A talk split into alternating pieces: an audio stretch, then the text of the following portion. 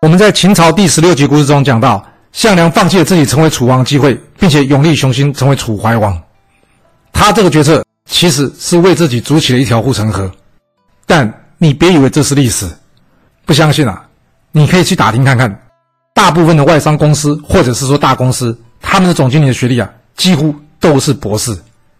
那为什么要是博士才能当总经理呢？是不是？这也是一种护城河，不是吗？我并不是要说他们能力不好，但有这个抬头，是不是就可以筑起一条护城河，让这些想竞争这个位置的人少了许多？你说是吧？历史刻画着人性，了解历史，或许我们就能用不同的观点去判断事情。想了解完整版的故事内容，欢迎到我的爱故事频道去看哦。